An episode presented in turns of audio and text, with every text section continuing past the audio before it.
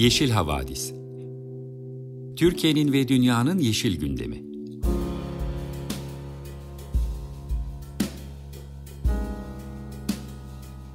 Hazırlayan ve sunanlar Demet Yaman Er, Savaş Çömlek, Dilan Altın Makas, Sare Abit ve Tansu Yeşilkır.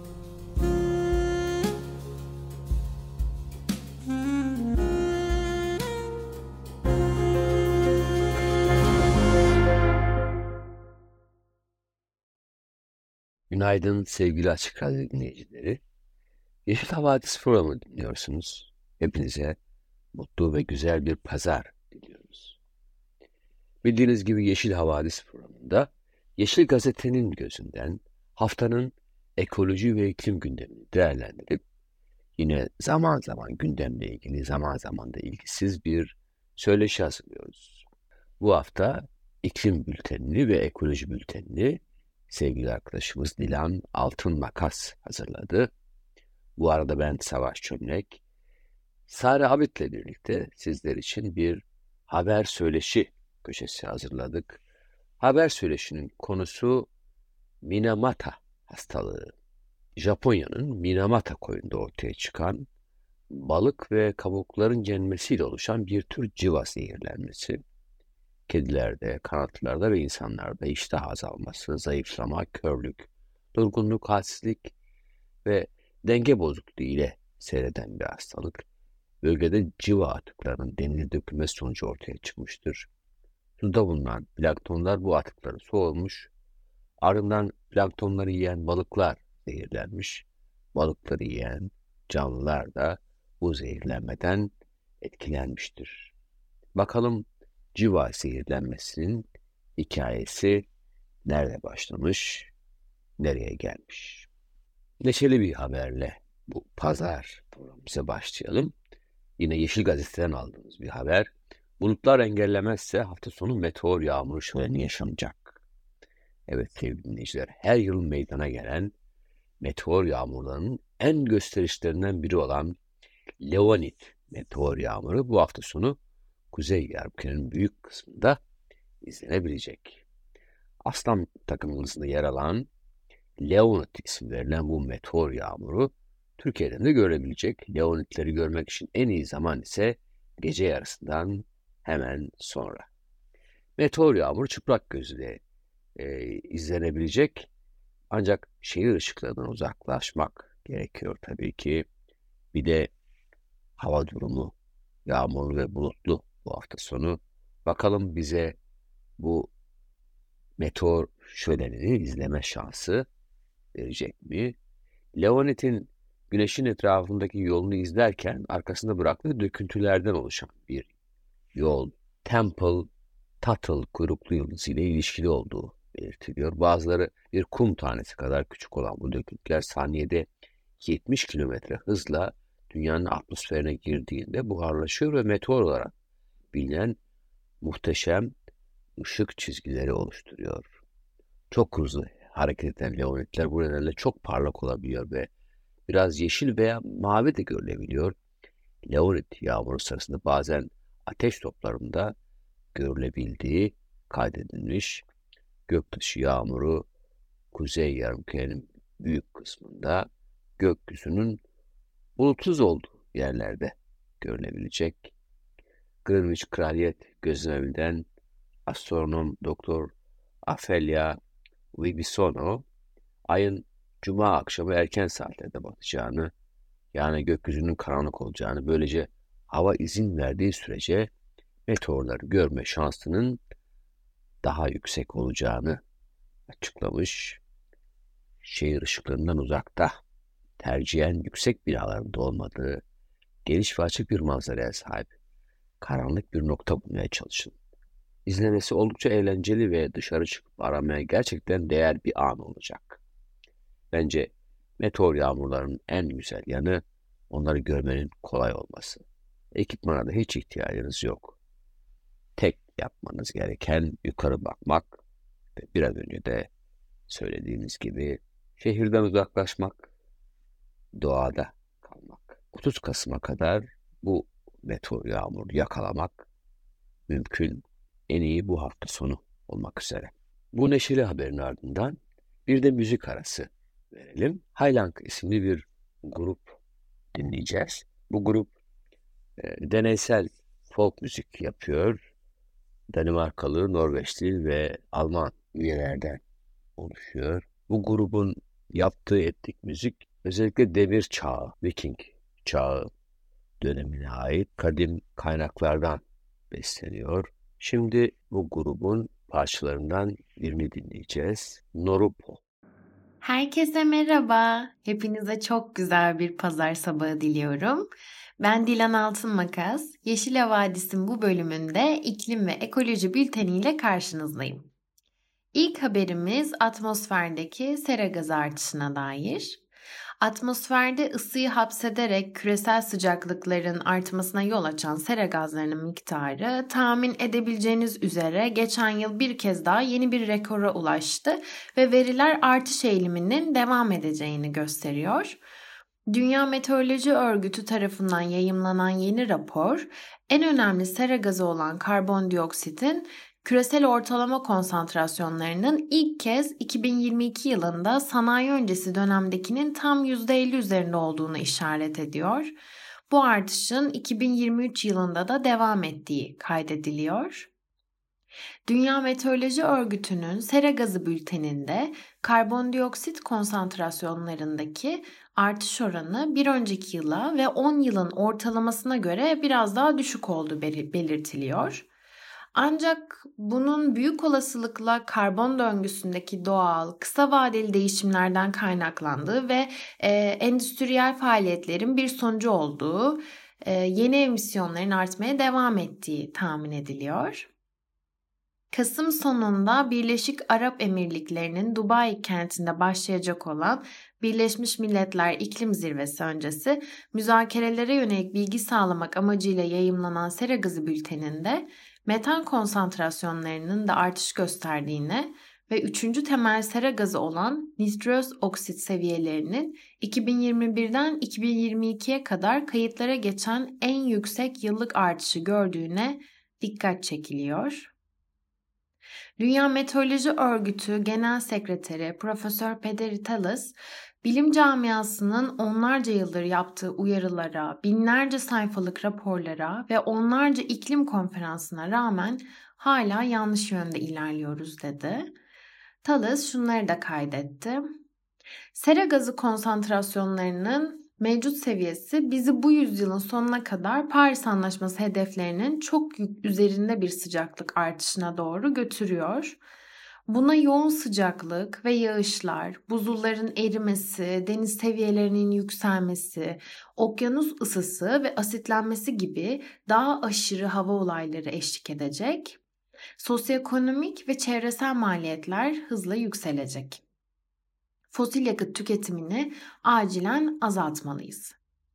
Biraz daha temelden alıp şu soruya cevap verebiliriz. Sera gazı emisyonları neden artıyor ve bu ne anlama geliyor?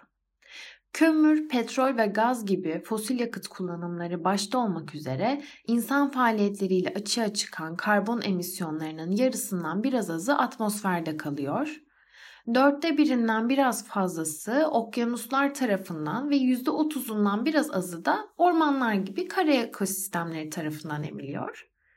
Ancak bu konuda yıldan yıla önemli değişiklikler söz konusu. Emisyonlar devam ettiği sürece sera gazları atmosferde birikmeye devam ederek küresel sıcaklık artışına yol açıyor. Karbondioksitin uzun süre atmosferde kaldığı göz önüne alındığında emisyonlar hızla net sıfır seviyesine indirilse bile halihazırda gözlemlenen sıcaklık seviyesinin birkaç on yıl boyunca devam edeceği öngörülüyor. Atmosferdeki sera gazı miktarının artması temel olarak küresel sıcaklıkların daha da artması, diğer bir deyişle iklim krizinin ivme kazanması anlamına geliyor. Bu durumda dünya çapında görülen kuraklık, şiddetli yağış, kasırga, sıcak dalgası, sel gibi aşırı hava olaylarının sıklığının, şiddetinin, etki alanının ve süresinin artacağına işaret ediyor.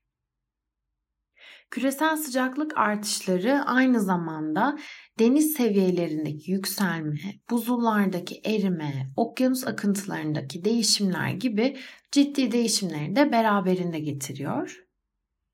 İklim krizi ve etkilerine değinmişken bu aralar oldukça artış gösteren iklim inkarcılığına da değinelim istiyorum. Belki aranızdan bazıları birebir böyle bir durumla karşılaşmış veya haberler aracılığıyla böyle bir duruma denk gelmiş olabilir. 2000'li yılların baş, başlarından itibaren iklim krizinin aslında bir yanıltmacı olduğuna, bunun sıradan insanların özgürlüklerini kısıtlamak için uydurulmuş bir yalan olduğuna ilişkin sağ popülist politikacılar tarafından dolaşıma sokulmuş bir söylem bulunuyor. Özellikle başta Amerika Birleşik Devletleri'ndeki eski başkan Donald Trump olmak üzere birçok bölgede bu eğilim var. Avrupa'ya da yayılıyor bu eğilim ve iklim kanununun gündeme gelmesiyle birlikte Türkiye'de de etkisini göstermeye başladı. İnsanlar iklim krizini neden inkar ediyor? Bu soruya Yaşar Üniversitesi Psikoloji Bölümü öğretim üyesi doçent doktor Sinan Alper'in cevabı şu şekilde. İklim kriziyle ilgili çok sayıda komplo teorisi var. Yakın gelecekte bunların sayısının ve çeşitliliğinin artacağını söyleyebiliriz. Komplo teorilerine dair sosyal psikoloji literatürünün gösterdiği çok net bir şey var. Farklı türde komplo inançları hep birbiriyle ilişkilidir ve birbirini besler. Covid-19'a dair komplo teorilerine inanmış birini iklim krizine veya alakasız başka bir konuya dair komplo teorilerine de daha kolay ikna edersiniz. Bu inanç bu inançlar genelde bir paket olarak gelir çünkü benzer düşünme şekillerine dayanmaktadırlar. Alper bu tarz komplo teorilerini desteklemenin psikolojik açıdan iki farklı boyutu olduğunu belirtiyor ve şöyle ekliyor. Biri bir bilişsel süreçlerle ilgili. Eğitim, bilim okur yazarlığı, analitik düşünme becerisi gibi faktörler. Komplo teorilerine inanan insanların inanmayanlara kıyasla bu konularda zayıf kaldığını gösteren çok miktarda veri var. İkinci boyut ise sosyal bağlamla ilgili. İnsanlar yolsuzluğun, eşitsizliğin, yoksulluğun yaygın olduğu ülkelerde daha alarm halinde oluyorlar ve komplo teorileri daha makul ve gerçekçi açıklamalar gibi gözüküyor. Bu şekilde ifade etmiş Sinan Alper iklim inkarcılığının psikolojik altyapısını. İleride de zaman zaman bültenlerimizde iklim inkarcılığına yer vereceğiz. Ülkemizde çok başka gündemler yoğunlukta olduğu için e, keza dünyada da aynı şekilde iklim krizinin mevcut etkilerine veya önlem alınmazsa gelecekte bizi nelerin beklediğine çok odaklanamıyoruz çok doğal olarak. İklim krizine odaklı bir gündem olmayınca iklim inkarcılığının da sesi çok yüksek duyulmuyor. Ancak ileride üzerimizdeki bireysel ve toplumsal sorumluluk arttıkça maalesef iklim inkarcılarıyla da daha sık karşılaşacağız gibi duruyor. Şimdiden bu konuda bilgilenmekte ve buna hazırlı olmakta fayda var. Şimdiki haberimiz aslında ilk haberimizin de devamı niteliğinde. Isınan havanın sağlık sistemleri üzerindeki etkisine dair. Sürekli aynı konu etrafında dönüyorum gibi oldu bugün ama artık o kadar kritik bir noktadayız ki bunu olabildiğince hatırlamamız, eko anksiyete ile başa çıkmaya çalışırken inkar ve bastırmayı tercih etmememiz gerekiyor.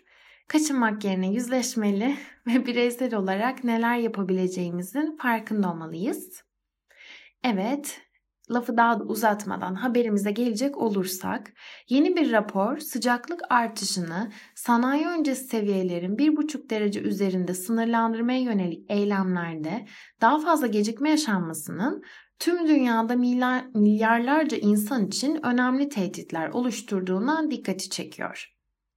Milyonlarca insanın sağlığına, hayatta kalmasına ve başarılı uyum çabalarına yönelik felaket tehdidini ortaya koyan rapor, küresel ısınmanın 1,5 derece ile sınırlanmasının geri döndürülemez zararlarla karşı karşıya olan bir dünyada sağlık merkezli bir müdahale için zorunluluk olduğunu vurguluyor. Lancet Sağlık ve İklim Değişikliği Geri Sayım 2023 raporuna göre dünya şu anda 2100 yılına kadar 2,7 derece ısınma yolunda ilerlerken ve enerji kaynaklı emisyonlar 2022 yılında yeni bir rekor seviyeye ulaşırken mevcut ve gelecek nesillerin yaşamları pamuk ipliğine bağlı. Bu yılki rapor ilk kez ısınan bir dünyayı nelerin beklediğine dair rahatsız edici bir bakış açısı sunuyor. İklim Kırılganlığı Forumu'nun desteğiyle geliştirilen yeni projeksiyonlar 1,5 derece hedefinin kaçırılması halinde nüfus sağlığı açısından hızla artan riskleri ortaya koyarken Lancet Countdown tarafından izlenen her sağlık tehlikesinin sıcaklıkların 100 yılın sonuna kadar 2 derece yükselmesi halinde daha da kötüleşeceği öngörülüyor. Bu senaryoya göre sıcaklığa bağlı yıllık ölümlerin 100 yılın ortalarına kadar %370 oranında artması ve sıcağa bağlı kalmanın küresel olarak kaybedilen potansiyel iş gücü saatlerini %50 oranında arttırması bekleniyor daha sık görülen sıcak dalgalarının 2041-2060 yılları arasında yaklaşık 525 milyon daha fazla insanın orta ile şiddetli gıda güvensizliği yaşamasına yol açarak küresel yetersiz beslenme riskini daha da kötüleştirebileceği öngörülüyor. Bu bilgiler ışığında yaklaşan Birleşmiş Milletler İklim Zirvesi'nin sadece boş sözlerden ibaret bir zirve olmamasını ümit ediyoruz. Bültenimize devam etmeden önce kısa bir müzik molası verelim. Hem bu bunaltıcı haberlerin etkisinden biraz olsun sıyrılmış oluruz. Fabrizio Patellini'den My Misty Mornings sizlerle. Evet, şimdi de biraz haftanın ekoloji haberlerini paylaşacağım sizlerle. Ekoloji haberlerimizin ilki yeni bir araştırmanın sonuçlarına dair. Bu araştırma insanların kömür kullanımı sebebiyle atmosferdeki civa seviyesinin 7 kat arttığını ortaya koydu. Civanın en büyük doğal kaynağı volkanlar. Harvard Üniversitesi'ndeki araştırmacılar da çalışmalarını yürütmek için volkanların atmosfere her yıl ne kadar civa saldığını belirledi ve daha sonra bu bulguyu insanlar büyük miktarlarda kömür yakmaya başlamadan önceki civa seviyelerini tahmin etmek için kullandı. Yale School of the Environment'ın aktardığına göre yaklaşık 500 yıl önce modern çağ başlamamışken atmosfer yaklaşık 580 metrik ton civa tutuyordu. Geophysical Research Letters dergisinde yayınlanan makale bugün ise atmosferde yaklaşık 4000 metrik ton civa bulunduğuna dikkati çekiyor. 580 metrik ton civadan 4000 metrik ton civaya gelmişiz. Araştırmalar civanın çocukların beyinlerine zarar verdiğini ve yetişkinlerde kalp hastalığıyla bağlantılı rahatsızlıklara sebep olduğunu ortaya koyuyor. Civa'nın tetiklediği bu sağlık sorunları yakılan kömürden kaynaklanan kirliliği engellemeye yönelik çabaları teşvik ediyor. Bilim insanları yeni çalışmanın kirliliğin etkisini aydınlattığını ve uzmanların civa seviyelerini düşürme konusundaki ilerlemeyi ölçmelerine yardımcı olabileceğini söylüyor. Bir sonraki haberimiz ise katlanarak artan ithal plastik sorununa dair. Deva Partisi İstanbul Milletvekili ve Doğa Hakları ve Çevre Politikaları Başkanı Evrim Rızvanoğlu, Türkiye'ye ithal edilen plastik atık sorununu Türkiye Büyük Millet Meclisi gündemine taşıyarak Çevre, Şehircilik ve İklim Değişikliği Bakanı Mehmet Öztekin'in cevaplaması istemiyle bir soru önergesi sundu. 2022 yılı plastik atık yönetimi Sayıştay raporuna değinen Rızvanoğlu, plastik atıkların ithalatında son yıllarda bir artış trendi tespit edildiğini belirtti. Rızvanoğlu rapora göre ithal edilen plastik atık miktarının 2017 yılında 277 bin ton, 2018 yılında 437 bin ton, 2019 yılında 547 bin ton, 2020 yılında 775 bin 342 ton ve 2021 yılında 685 bin 443 ton olduğunu ifade etti. Türkiye Büyük Millet Meclisi adına denetim yapan Sayıştay tarafından tespit edilen plastik atık ithalatındaki artış trendi 2018 yılında Çin'in plastik atık ithalatına yasak getirmesine tekabül ediyor. Özellikle Çin'in gümrük tarife istatistik pozisyonu 3915 başlığı altında yer alan plastik atık ithalinin 31 Aralık 2018 itibariyle yasaklaması nedeniyle plastik atıkların ülkemize girişinde bir artış meydana geldiğine dikkati çeken Evrim Rızvanoğlu, bu yasak kararından önce birçok kuzey ülkesi plastik atıklarını geri dönüştürmek için Çin'e gönderirken maalesef bu destinasyonun artık Türkiye olduğunu göstergelerden ve raporlardan anlayabiliyoruz ifadelerini kullandı. Türkiye'nin ithal ettiği plastik atıkların ne boyutta olduğunu ara ara sosyal medyaya düşen videolarla da tanıklık ediyoruz. Ama tabii ki gördüklerimiz bunun çok küçük bir parçası. Şimdi Dikmece'deki dava sürecine dair güncel gelişmeleri paylaşacağım sizlerle. Habere geçmeden önce neler olmuştu diye hızlıca bir hatırlayalım istiyorum. 6 Şubat depremlerinin hemen ardından uzmanların tüm uyarılarına rağmen hızlıca başlatılan deprem konutu inşaatları kapsamında çok sayıda arazi için Cumhurbaşkanlığı tarafından acele kamulaştırma kararı verilmişti. Antakya merkeze 10 kilometre mesafedeki Gülderen ve Dikmece dağlık arazi yapısı nedeniyle yapılaşma için tercih edilse de bölgede zeytinlikler başta olmak üzere tarım arazileri bulunuyor. Dikmece halkı acele kamulaştırılan zeytinlik ve tarım arazilerini korumak için Çevre Şehircilik ve İklim Değişikliği Bakanlığı ve TOKİ'ye dava açmıştı. Kamulaştırmada herhangi bir kamu yararının gözetilmediğini dile getiren Dikmece halkı, usulsüz kararla birçok kanun maddesinin de ihlal edildiğine dikkat çekmişti. 31 Temmuz'da iş makineleri jandarma eşliğinde arazilere girmişti Arazilerinde nöbet tutan köylüler iş makinelerine engel olmaya çalışmış, jandarma ise iş makinelerinin çalıştığı arazilere köylülerin geçmesine izin vermemişti.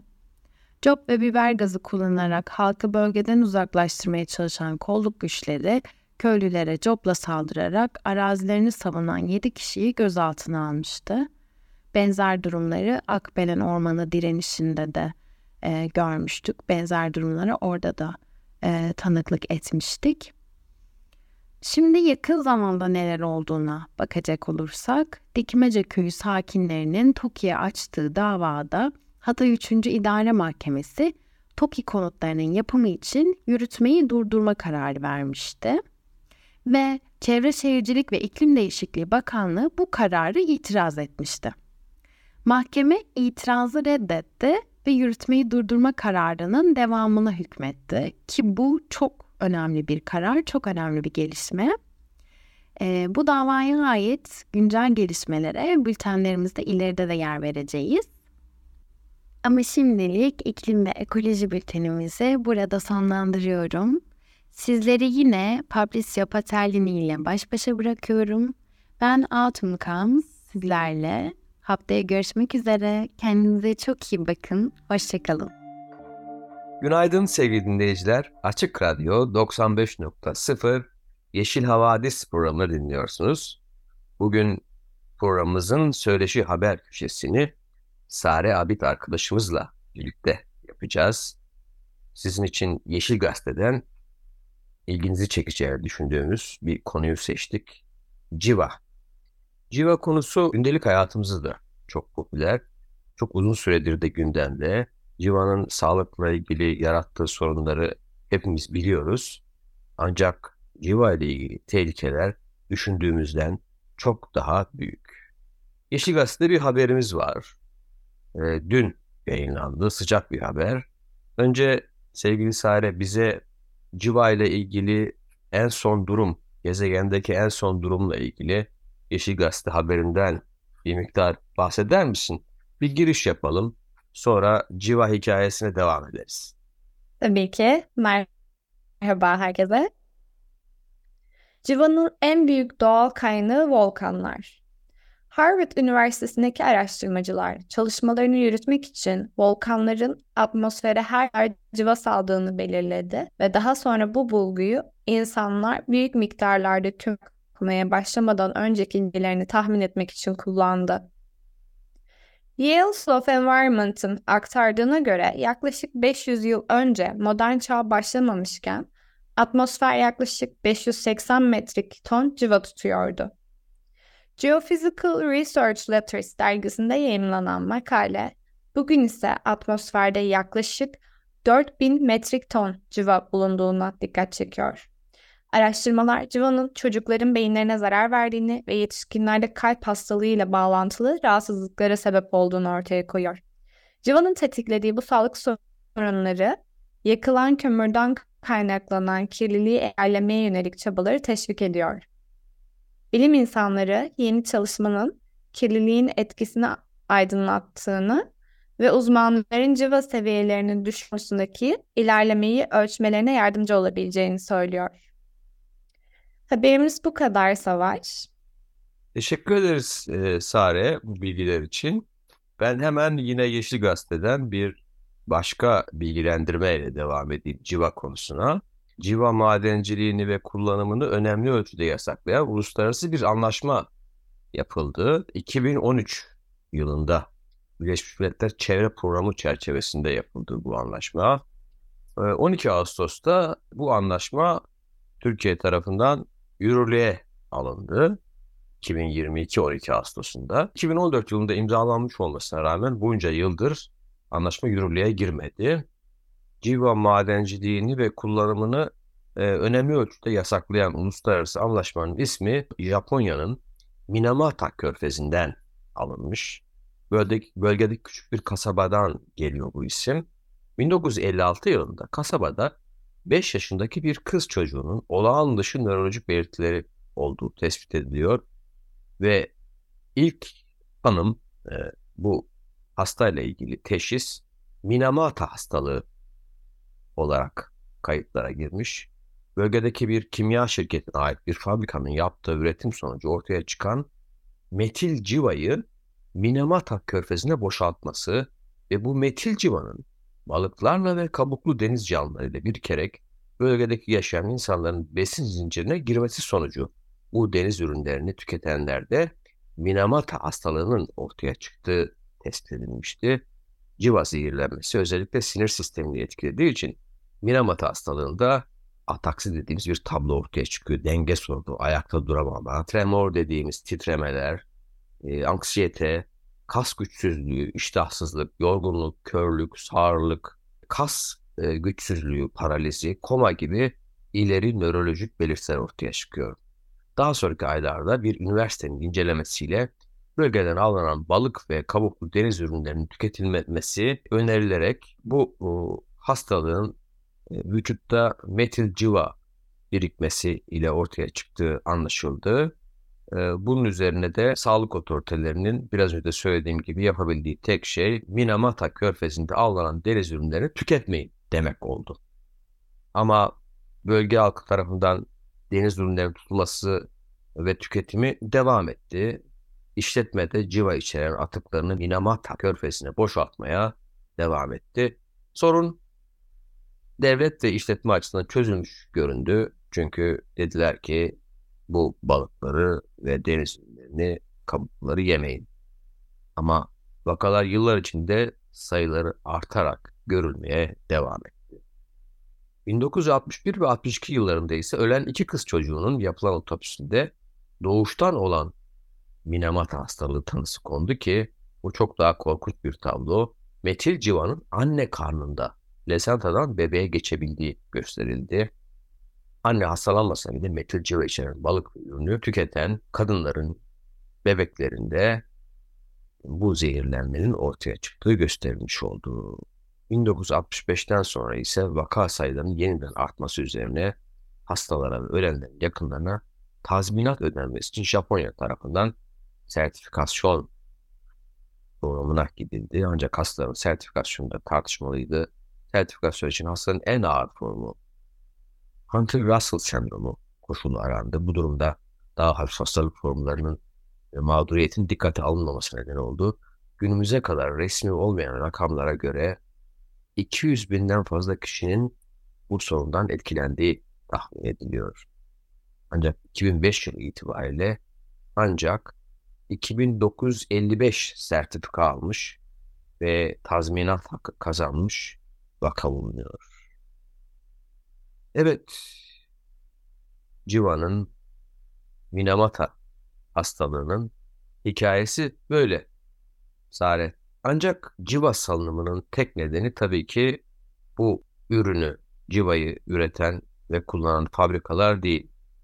Günümüzde çok daha yüksek miktarlarda civayı atmosfere salan termik santraller var.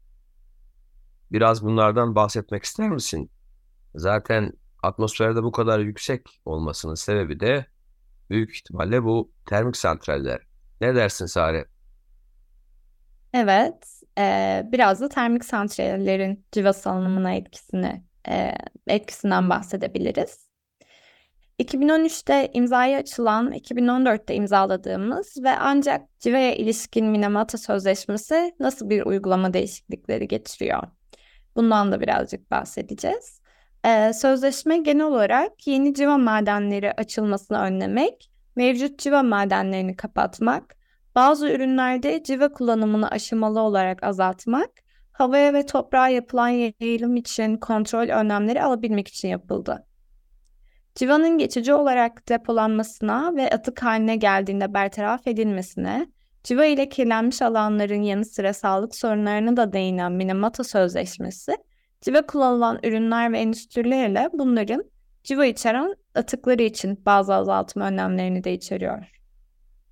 2013 yılında kaleme alınan ve aynı yıl imzaya açılan ama ülkemizin 2014'te imzalamasına karşın ancak 2022 yılının ortalarında yürürlüğe koyduğu anlaşma metni, anlaşmaya taraf olan ülkelerin 2020 yılına kadar bazı civa içeren ürünlerin üretim, ithalat ve ihracatını yasaklamalarını ve bunlara ilişkin atıkların etkin bir şekilde ber, e, atıkları etkin bir şekilde bertaraf etmelerini, kullanılan civa miktarını ve emisyonlarını azaltmaya yönelik stratejiler oluşturmalarını, büyük endüstriyel tesislerden kaynaklanan emisyonları azaltmalarını zorunlu hale getiriyor.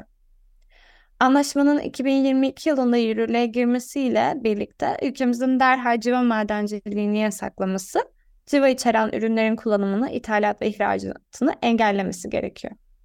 Fakat civa yayılımı açısından Türkiye için en önemli sorun kömürlü termik santraller.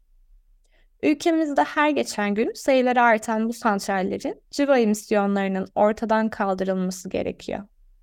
Şimdi anlaşmanın başka bir maddesi gereği 3 yıl içinde bir yapılacaklar listesiyle ulusal planımızı hazırlamamız gerek. 2014'te imzaladığı anlaşmayı ancak 2022'de onaylayıp yürürlüğe koyabilen Türkiye'nin 3 yıl içinde bir ulusal plan hazırlayıp hazırlayamayacağı şu anda şüpheli. Hazırlasa bile bu planın termik santrallerin civa emisyonları ile ilgili gerekli önlemleri içermesi hali hazırdaki durum ile hemen hemen imkansız. Ama aslında az önce de bahsettiğimiz gibi termik santraller de civa salınımının e, büyük kaynaklarından bir tanesi. İmzaladıktan tam 8 yıl sonra yürürlüğe koyabildiğimiz sözleşmenin resmi onay tarihi 12 Ağustos. Minamoto Sözleşmesi'nin Türkiye'deki şu anda e, durumu ve termik santrallerinde bu konu üzerindeki etkisi bu şekilde özetleyebiliriz. Savaş şimdi sözü tekrar sana bırakıyorum. Evet sevgili Sare bu bilgilerin çoğunu Yeşil Gazete köşe yazarı Ahmet Soysal'ın 15.08.2022'de yazdığı bir haberden aldık. Minamata Sözleşmesi yürürlüğe girdi ülkemizde. Ancak biliyorsunuz bizim ülkemizde sözleşmeler imzalanır, uygulamaya konulur ama sürünür durur ve gereği bir türlü yapılamaz, yapılmaz. Dolayısıyla Minamata hastalığı özellikle düşük formlarda bizi, çocuklarımızı, yeni doğan çocukları, doğadaki canlıları zehirlemeye devam edecek gibi gözüküyor. Çünkü termik santrallerin havaya saldığı civa en baştan Yeşil Gazete'de verilen haberde açıklıkla dile getirildiği gibi atmosferde artmış vaziyette. Umarım birileri sesimizi duyar. Umarım bu konuda gereken bir an önce yapılır.